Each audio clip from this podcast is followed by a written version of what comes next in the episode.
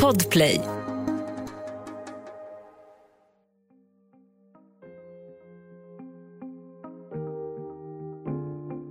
Det är en galen idé att tillverka jeans i Nordkorea, ett av världens mest slutna länder, och sedan sälja dem i Sverige.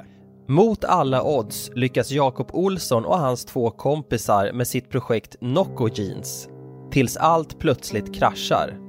Men då börjar istället en annan fas när de kontaktas av spioner som vill ha information om Nordkorea. Du lyssnar på Jag var där av Mattias Bergman och Andreas Utterström. I den här säsongen jobbar vi också med Lisa Wallström. Nytt avsnitt varje onsdag om du inte lyssnar i Podplay. Där finns säsongens alla avsnitt redan nu, helt gratis.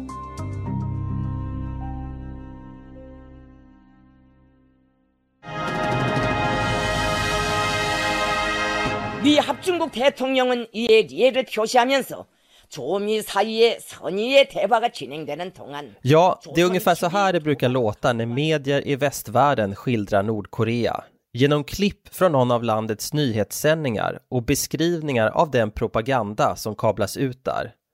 Som att den tidige ledaren Kim Jong-Il under en golfrunda spelat 38 under par och gjort fem hole-in-ones.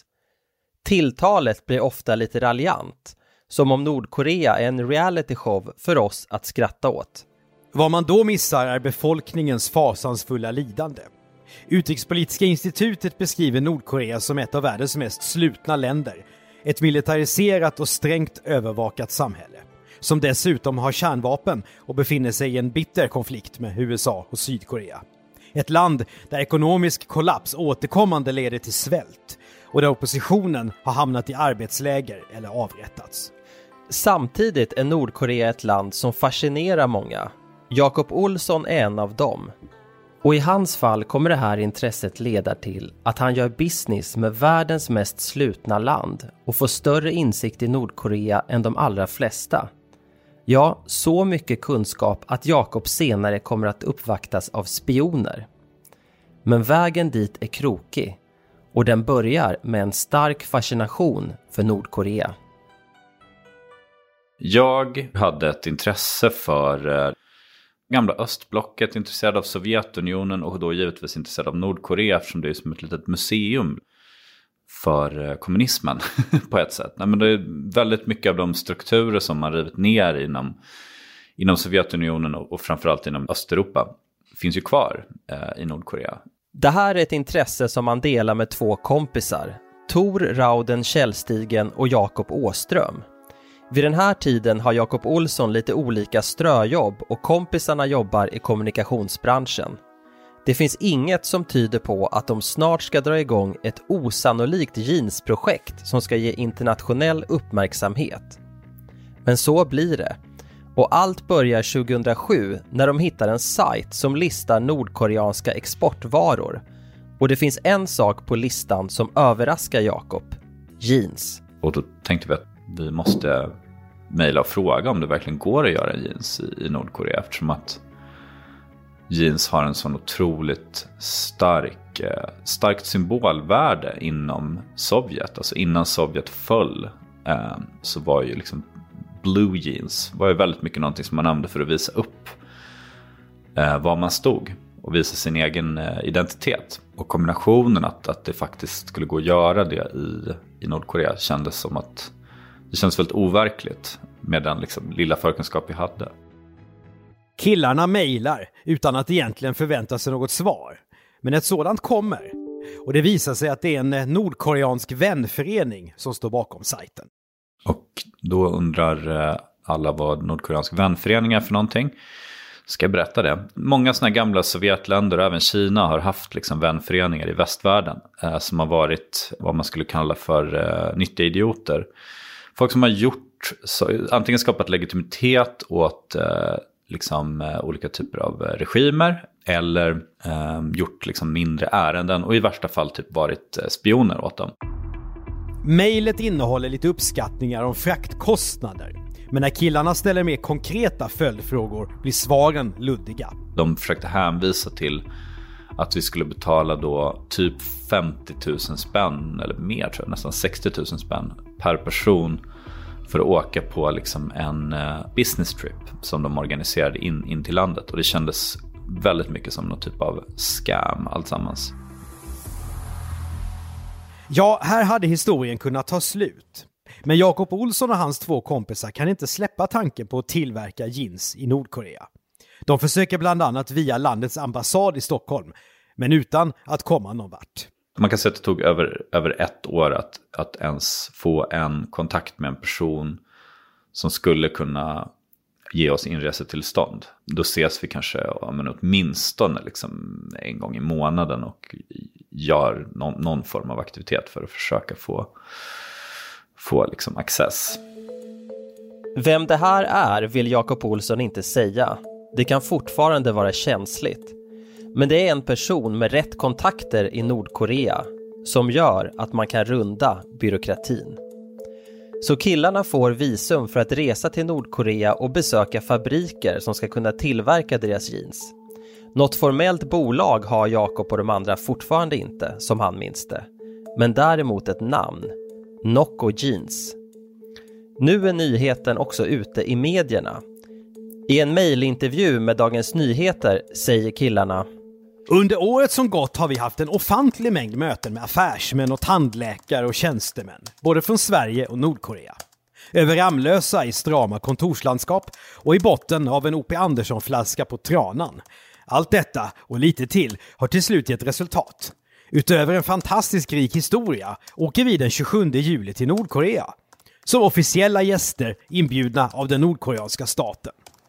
Och så en dag är de framme i Nordkorea Alltså det som vi är med om på den resan på något typ av makroperspektiv, det är att hela vår bild av det här landet eh, förändras i grunden och att det här går från att vara ett projekt som vi eh, ja, men nästan förhöll oss, ibland förhöll oss till som att det var liksom lite skämtsamt och sådär, till att det blev väldigt mycket på allvar. Och det blev mycket mer politiskt och det blev mer än en kul grej. Därför att det är väldigt lätt att sitta här väldigt långt borta och titta på ett land som, som framstår som att det är taget ur en serietidning. Mm, eller Truman Show på riktigt. Ja, exakt. Ja. Eh, och, eh, och liksom skratta åt det. Men när man väl är där och får prata med, eh, med människor, både människor som är, liksom, någon har sagt åt dem vad de ska säga och andra som talar vid sidan av.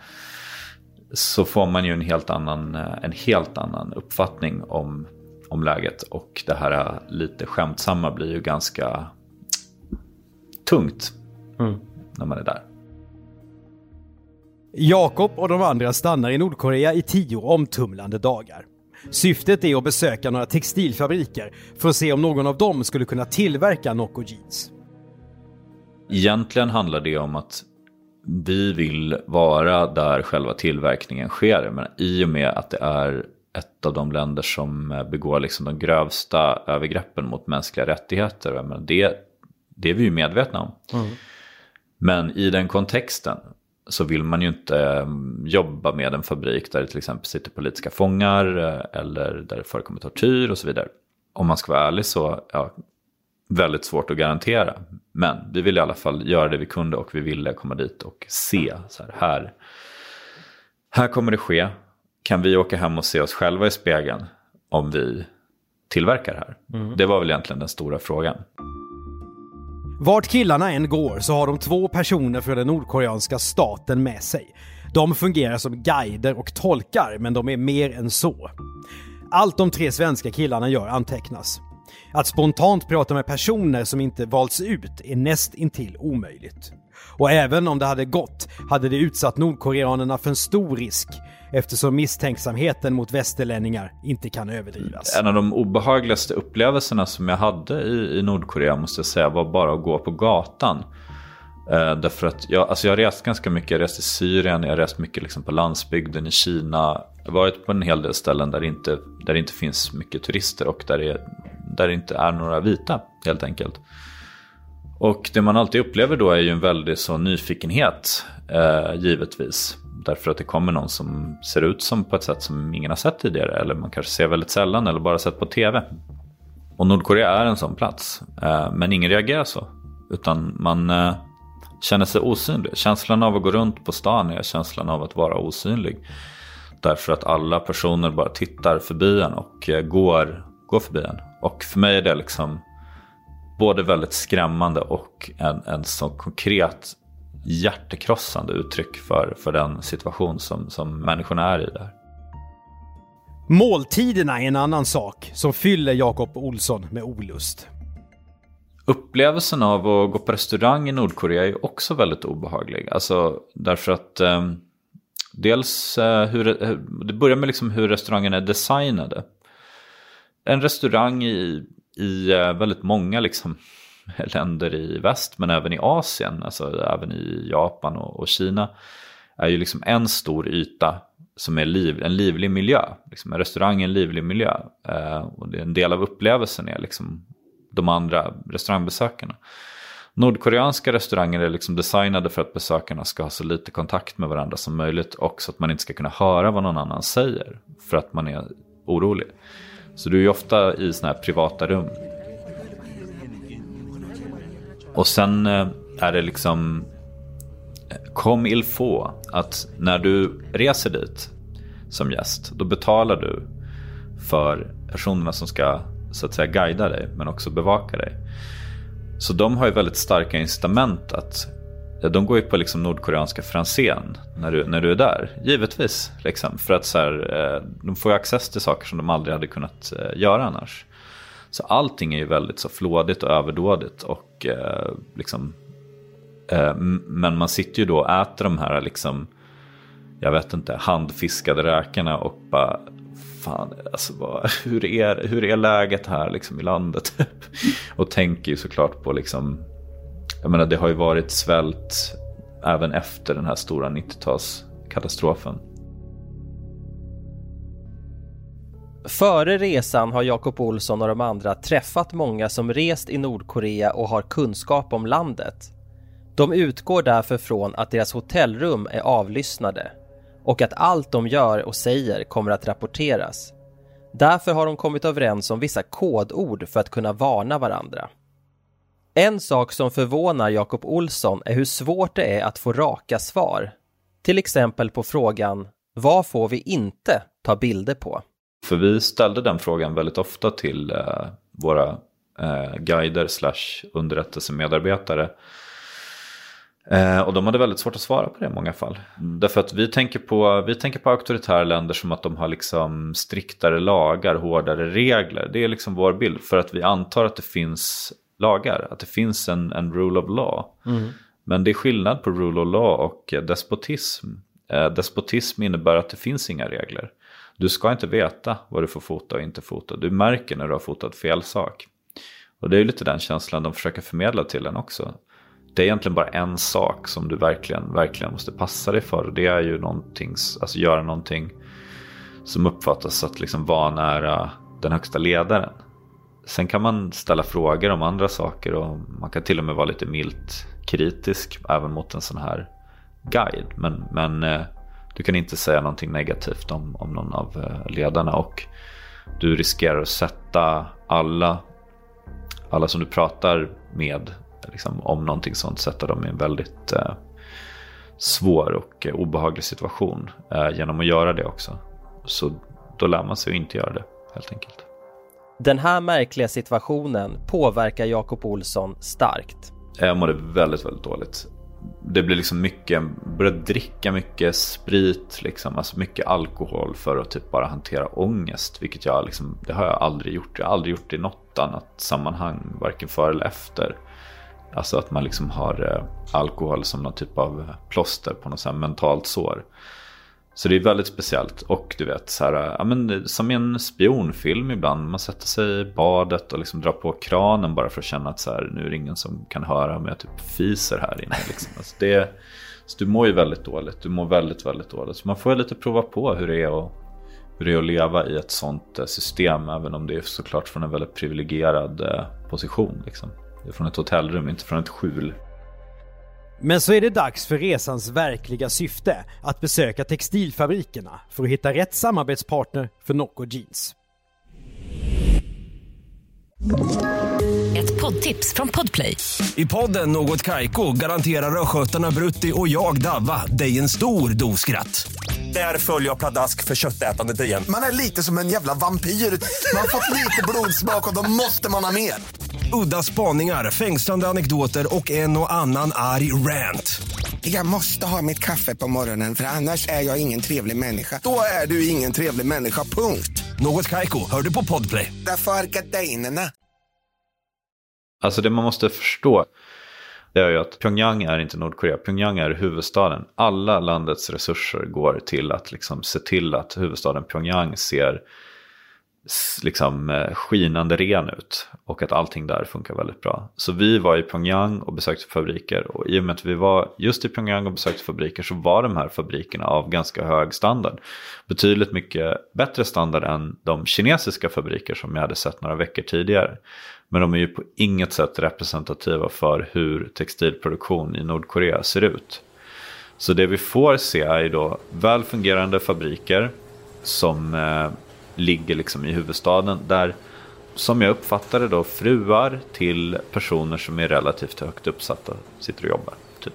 Bara kvinnor? Bara kvinnor, ja. ja. Och hur går de här mötena till? Är det rundvisning och sen ska det drickas kaffe på chefens kontor eller hur, hur går det till?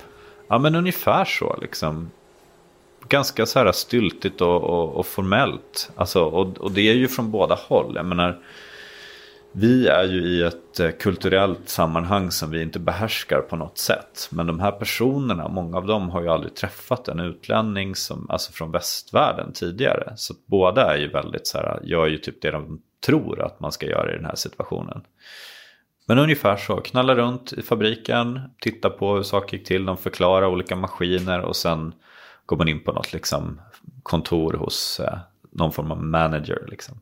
Och, och diskuteras det pris och sånt där eller det är också någonting som take it or leave it från högre ort så att säga? Pris eh, sätts av eh, staten liksom. Det är som tariff, alltså du har den här lönen, du har det här är vad man tar betalt för att göra mm. den här produkten i, i Nordkorea. Och eh, det är klart att eh, den typen av system skapar ju jättemycket korruption. Mm. Så vad folk var ju väldigt så här innan vi åkte dit bara ta med mycket presenter. Typ så här, ta med, ta med Hennessy. Hennessy är bra.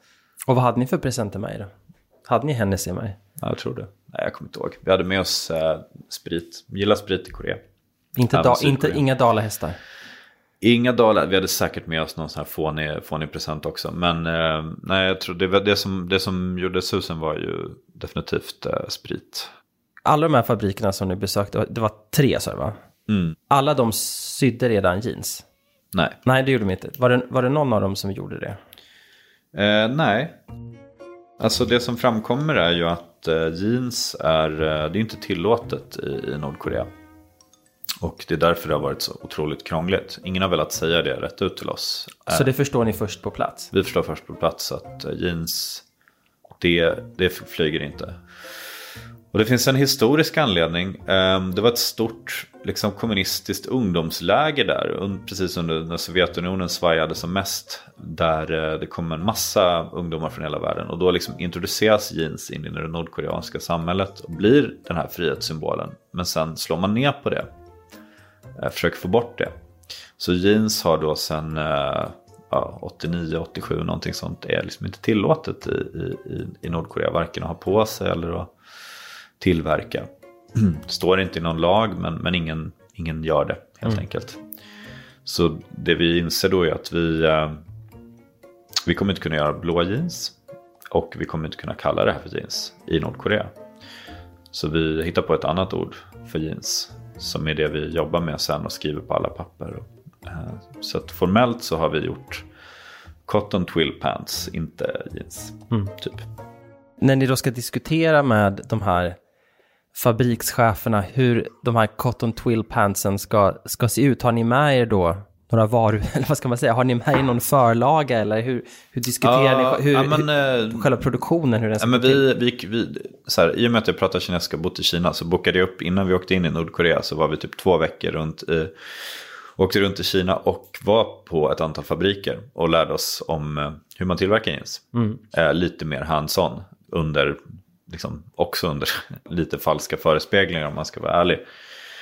Så vi har koll på det. Vi tar med oss eh, ett par svarta generiska typ Acne jeans och bara kan ni göra det här ungefär.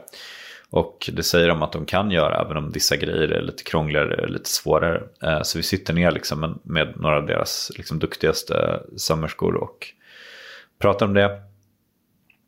Och eh, de säger att de kan göra det. Men det visar sig att killarna missförstått situationen. Jag tror att vi är tre eller fyra fabriker som vi, som vi besöker totalt.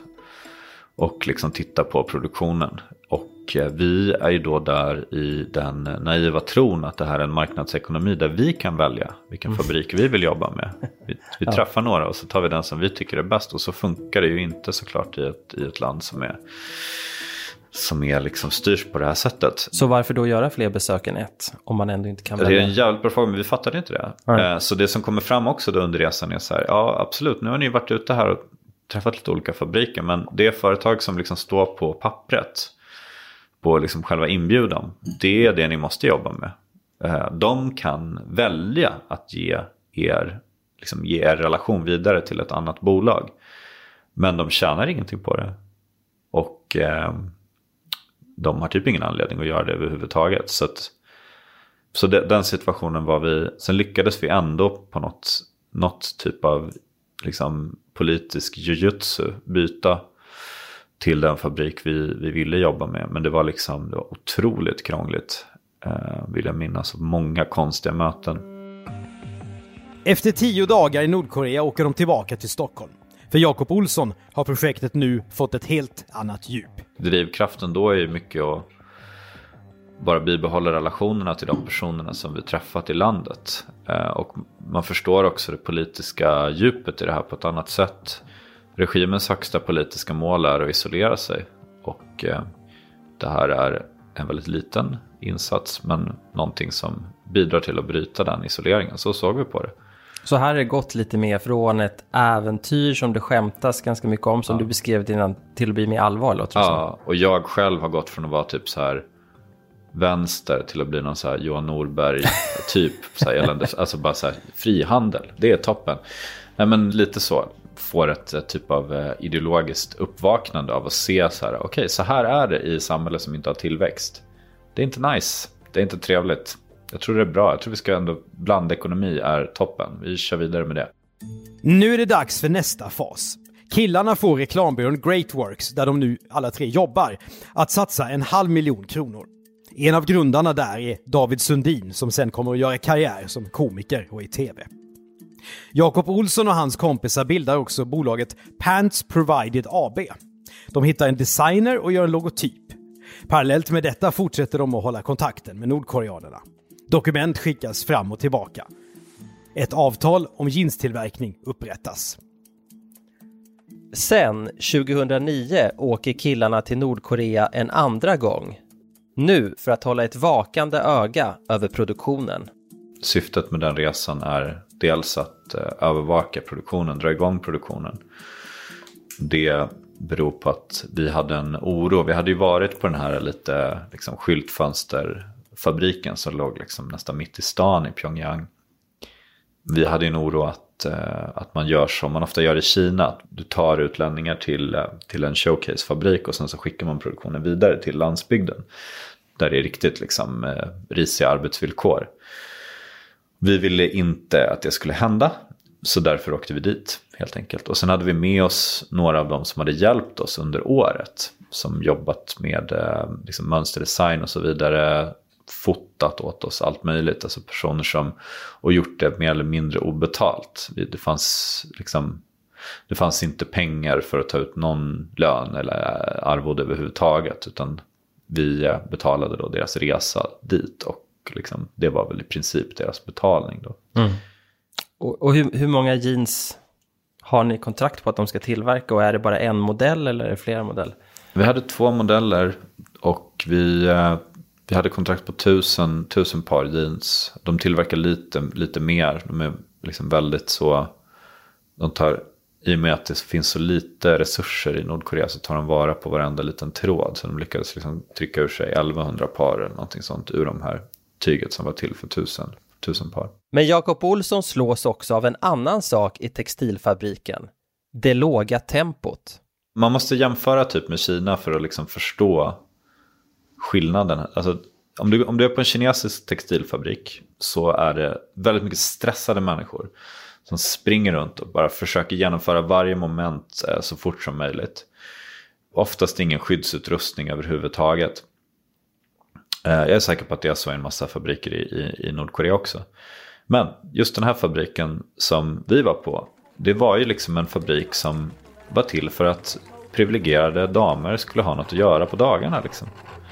Så de jobbar i lugnt tempo. Liksom. Sitter och skär upp här lite långsamt och syr lite långsamt. Det är en annan, det är en annan grej. I sådana här ekonomiska system som varken har vinst eller individuella incitament. Eh, ja, du kan använda våld för att få folk att göra som du vill och det är ju det de gör. Men i de som är liksom inte aktuella för det så finns det inga incitament för att jobba hårt. Det är, det är ingen som gör det. Nej. Då är man dum i huvudet. Du får varken mer eller mindre betalt. Så att... Allt ser bra ut. Killarna åker tillbaka hem till Sverige. Och Jakob Olsson minns tydligt när jeansleveransen anländer till Stockholm. Det kommer eh, kartonger till David Sundins liksom, trevåningslägenhet. Han hade, han hade tre våningar som gick neråt under marken. Alltså det måste vara... Det måste varit en, sämre, en ännu sämre affär än att investera i, de här, i det här jeansföretaget. Så längst ner då i hans trevåningslägenhet som går ner under marken och som inte har några fönster i princip. Det är en bunker han bodde i? Alltså. Han bodde typ i en bunker. Ja. Och längst ner har han en stor skateramp i ett garage. Liksom, det är ett garage bara. Och där, dit levereras liksom jeansen för jag hade inget lager. Eh, och så sliter vi upp de här kartongerna och egentligen vill vi bara se att det inte har möglat. Och det har det inte gjort utan det ser helt, eh, helt normalt ut. Hur är kvaliteten då? Så vitt ni kan bedöma. Alltså kvaliteten är ju väldigt, väldigt bra. Eh, på, på allt egentligen. Typ obehagligt bra. Intresset är nu stort, även från internationella medier. Jakob Olsson ger bland annat en intervju till CNN och i sydkoreansk tv låter det så här. 북한산 고급 청바지 1,100여 벌이 스웨덴 백화점에 등장합니다. 스웨덴의 노코 진스는 Uppmärksamhet är en sak, affärer en annan. Och nu är det dags att kränga 1100 exemplar av Nocco Jeans. Något som killarna har noll erfarenhet av. Därför tar de hjälp av insiders från modebranschen. Någonting som man liksom insåg genom det här var ju vilken otrolig så här pajasindustri modebranschen är. Så vi, vi pratade med mycket så här modefolk, pratade med eh, typ eh, några av de som har startat Björn Borg, eh, Filippa K, liksom människor. Pratade med de som hade investerat i Byredo. Och eh, bad liksom lite om råd. För att i och med att det blev en sån intressant eh, liksom story på något sätt så ville de träffa oss och prata. Så vi fick access till en massa människor som annars hade, liksom, inte hade tagit sig tid. Eh, och allt det de sa var fullständigt värdelöst för, eh, för liksom det, här, eh, det här projektet. Då. Men, men mycket av det vi gjorde som var liksom försök att marknadsföra det här var ju kopplat till det. Alltså idag hade jag ju bara varit så jag hade bara sålt dem på nätet. Jag hade inte ens försökt ha någon jävla butik. Jag hade haft ett helt annat pris, jag hade liksom, du vet, man hade gjort grejer väldigt annorlunda. Men det vi trodde att man behövde göra i modebranschen då, det var att så här, du behöver komma ut i retail och du behöver typ så här, komma med nya kollektioner, massa sådana här idiotgrejer som, som modevärlden håller på med. Ja, de behöver alltså hitta en butik i Stockholm som kan sälja de jeans som enligt vad Jakob minns kostade ungefär 1500 kronor. Och de hittar en butik i varuhuset Pub som säger ja. Där finns också vad som kallas för ett museum över hela projektet. Men först är det dags för lanseringsfest i december 2009. Eller VIP-fest som Aftonbladet kallar det för. Står VIP-fest i Aftonbladet alltså? Ja, igår kväll avtäcktes de första jeansen på en VIP-fest i Stockholm. Ett, inom citationstecken, museum i butiken på varuhuset Pub visar historien om killarnas resa. Ja, oh, gud alltså det är så jävla töntigt så att jag, jag vet fan vad jag ska, jag vet inte vad jag ska ta vägen när, när du läser de här citaten för mig. Men, v vad är det som är obekvämt med det här? Ja, men det här jävla pretto-grejen med att hålla på att starta ett museum som att det liksom, som att det är så gudsgåva till mänskligheten. Men eh, ja, men jag får väl svara på det ändå. Mm. Vad var det för något det där så kallade museet? Alltså det var ju... Eh, det var ett sätt att visa mer än själva jeansen. Alltså jeansen var ju jeans. Mm. Jeans är rätt trist. Liksom.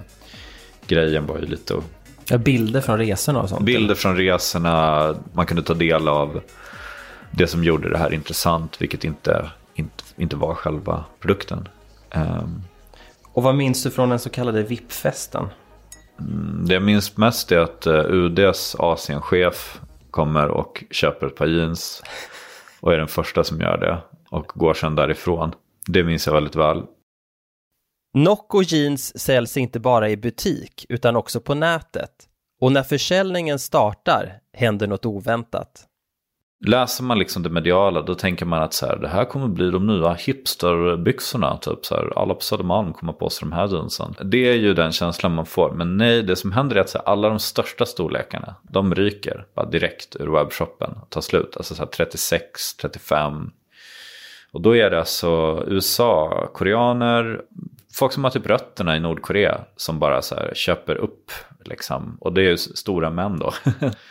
På det sättet träffar vi liksom rätt skulle jag säga. Jag glad att UDs Asienchef var där. Jag är glad att mycket personer som eh, har kopplingar till Nordkorea kände sig tillräckligt berörda för att betala en stor summa pengar för, för det här märkliga. Men de här hipstrarna, de kom på VIP-festen men, men sen, eh, sen backade de långsamt ut ur rummet. Men det är inte det enda problemet. För nu kommer det riktigt stora dråpslaget. Pub eh, sparkar ut oss helt enkelt. De, de stänger ner eh, affären och förbjuder försäljningen. Eh, de tycker att det är för mycket liksom, eh, massmedial uppmärksamhet. Och det var typ det som hände. Så det, de bommar igen. Till nyhetsbyrån AP säger Pubs chef René Stefansen att ledningen inte hade informerats och att försäljningen av Nocco Jeans är en politisk fråga som man inte vill förknippas med. Ett argument som Jakob Olsson inte köper, varken då eller nu. Hur mycket grejer har de som är sydda av politiska fångar i Kina? Liksom, eh, ganska mycket antagligen. Typ. Skit i det. Jag tyckte väl att det var lite provocerande med den här liksom, lite sådär moralpaniken som man, som man liksom lyckades eh, få igång. Ehm, just därför att det var så uppenbart liksom, hycklande. Och man kunde ju inte heller, alltså de kunde ju ingenting om, eh, man hade ju ingen kunskap om landet överhuvudtaget. Utan det var bara för att det blev liksom en eh, uppmärksammat. En anställd i butiken berättar för Aftonbladet att man inte hunnit sälja ett enda par av Nocco Jeans. Men killarna hittar en annan lösning, även om den är tillfällig. Vi lyckas få typ ett väldigt så här billigt kontrakt på någon så lokal som stod tom på Söder. Som vi flyttar allting till och så sitter vi där ett tag innan det, liksom, det kommer någon annan hyresgäst. Men eh, luften går ju ur hela projektet här. Och det som händer parallellt med att eh, pub slänger ut oss är att även eh, Nordkorea slänger ut oss eh, kan man säga. Så att vi får information om att vi kommer inte kunna göra någon, någon mer tillverkning i, i landet. Därför att man, man eh, liksom René på pub inte vill förknippas med en eh, politisk eh, kontroversiell fråga. Ett poddtips från Podplay. I fallen jag aldrig glömmer djupdyker Hasse Aro i arbetet bakom några av Sveriges mest uppseendeväckande brottsutredningar. Går vi in med hemlig telefonavlyssning och, och då upplever vi att vi får en total förändring av hans beteende. Vad är det som händer nu? Vem är det som läcker? Och så säger han att jag är kriminell, jag har varit kriminell i hela mitt liv men att mörda ett barn, där går min gräns. Nya säsongen av Fallen jag aldrig glömmer på Podplay. Nu är vi framme vid 2010. Av de här 1100 jeansen då, som ni hade fått, hur, hur mycket sitter ni kvar med ungefär när ni inser att eh, nu har vi kommit till vägs ände här? De sista kanske 100-200 paren ges av då David Sundin. Många shoutouts till honom här. Till någon typ av eh, så här flyktingprojekt under flyktingkrisen 2015. Alltså när kom så mycket folk från Syrien, Irak och Afghanistan. Så de eh, skänks bort det sista. Men eh, vi gör lite tappra försök att sälja dem där och eh, Great Works-gänget blir liksom successivt mer och mer förbannade över att de inte får tillbaka sina pengar. Och sen till slut så backar vi långsamt ut ur rummet och går vidare med våra liv. Och har du själv kvar några Nocco jeans idag? Mm, jag har ett par kvar som jag inte har liksom öppnat. Mer sparat som minne? Ja, precis. Efter flera års slit, där killarna har lagt all sin fritid på projektet, går Nocco Jeans i graven. Alltså det känns väldigt bra när det är slut. Jag ville aldrig driva något modeföretag. Alltså tanken på att det här skulle ha gått bra och att jag skulle så här idag sitta med ett modebolag som heter Nocco Jeans. Alltså jag mår jättedåligt av att tänka på det. Eh, Så det är rätt skönt att det, att det, att det går åt helvete. Men var det ett modebolag då? Eller var det här en slags politisk påverkan? Ja, det är en jävligt bra fråga. Det var definitivt inte ett försök att starta ett seriöst modeföretag. Men så fort man tar någonting och stoppar in det liksom i en företagsskrud så medför en massa grejer som är väldigt jobbiga. Eh, Men det, det ligger närmare politiken än mode definitivt. Det gör det.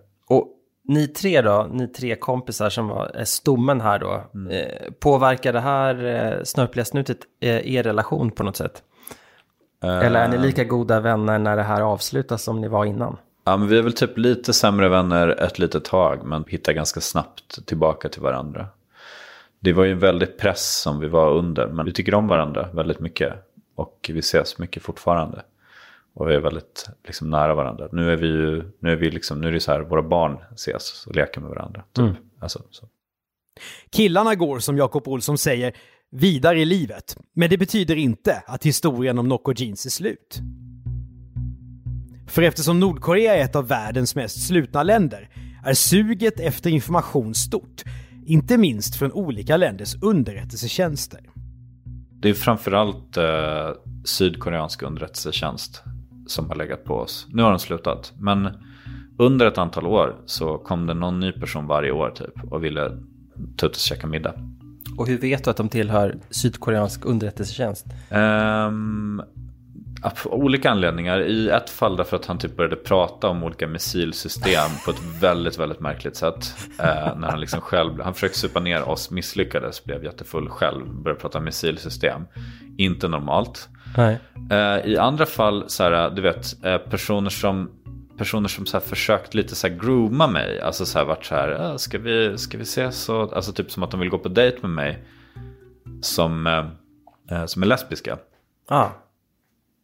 Eh, jag vet inte, liksom märkligt beteende. Och alla är förstås anställda av ambassaden. Då.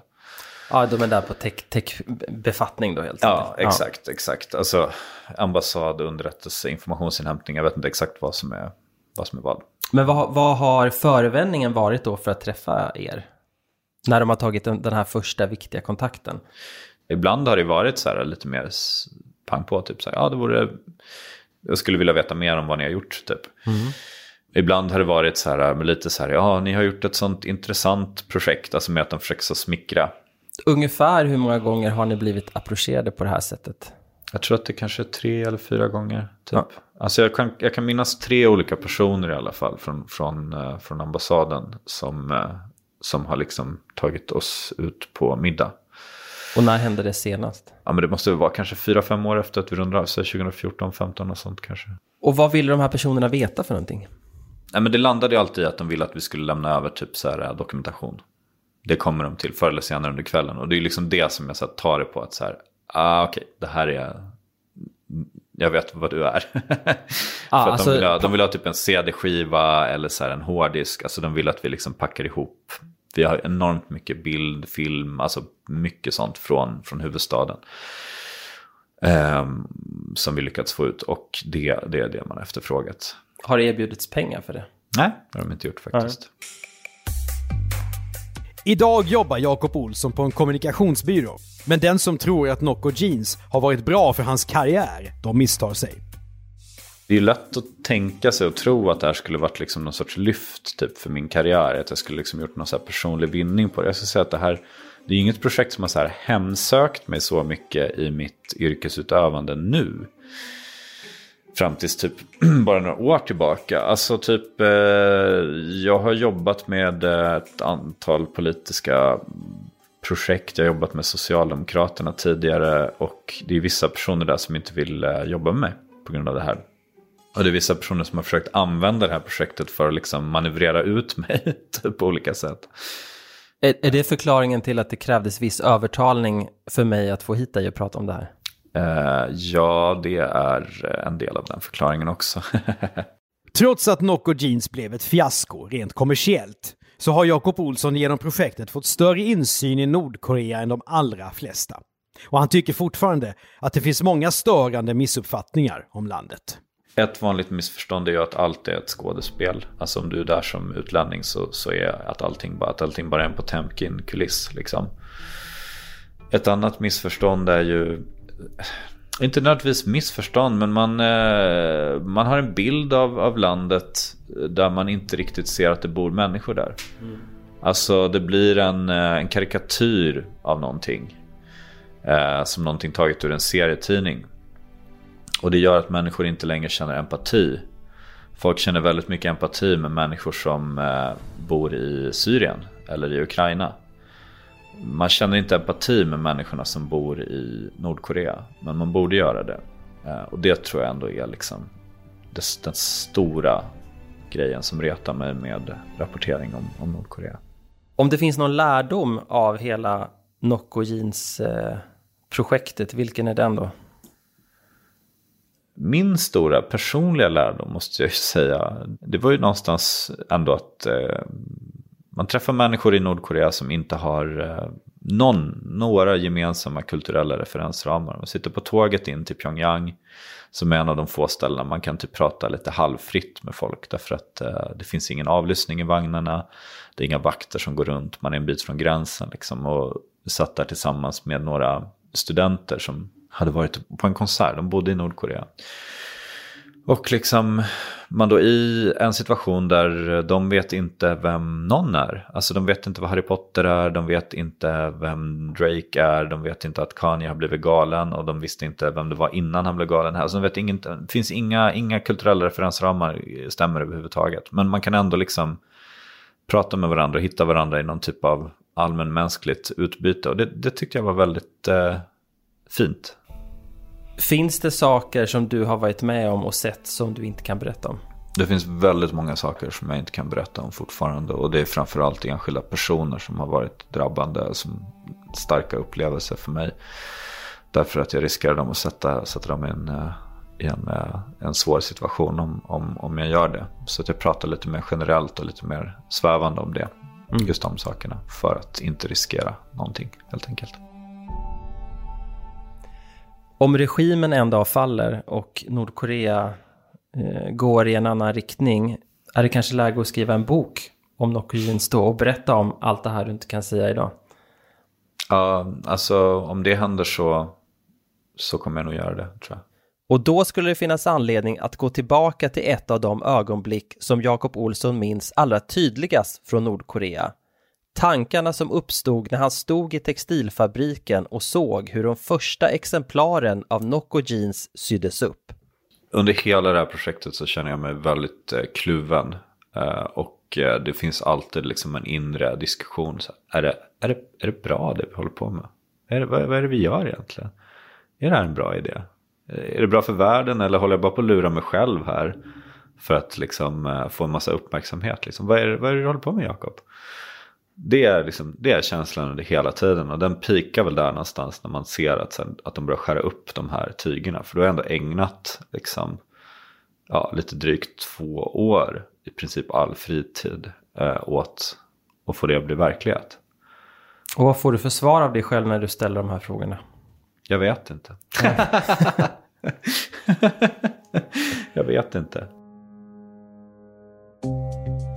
Du har hört Jag var där med Mattias Bergman och Andreas Utterström. Producent Andreas Karlsson. Exekutiv producent för den här säsongen är Jonas Lindskov.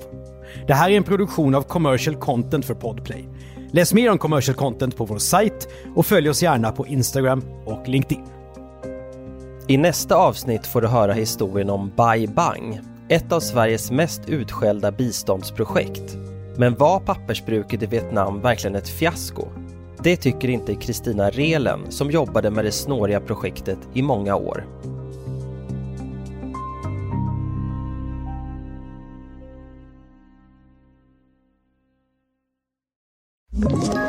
Ett poddtips från Podplay. I podden Något Kaiko garanterar östgötarna Brutti och jag, Davva, dig en stor dos skratt. Där följer jag pladask för köttätandet igen. Man är lite som en jävla vampyr. Man har fått lite blodsmak och då måste man ha mer. Udda spaningar, fängslande anekdoter och en och annan arg rant. Jag måste ha mitt kaffe på morgonen för annars är jag ingen trevlig människa. Då är du ingen trevlig människa, punkt. Något Kaiko, hör du på Podplay. Därför arkadeinerna.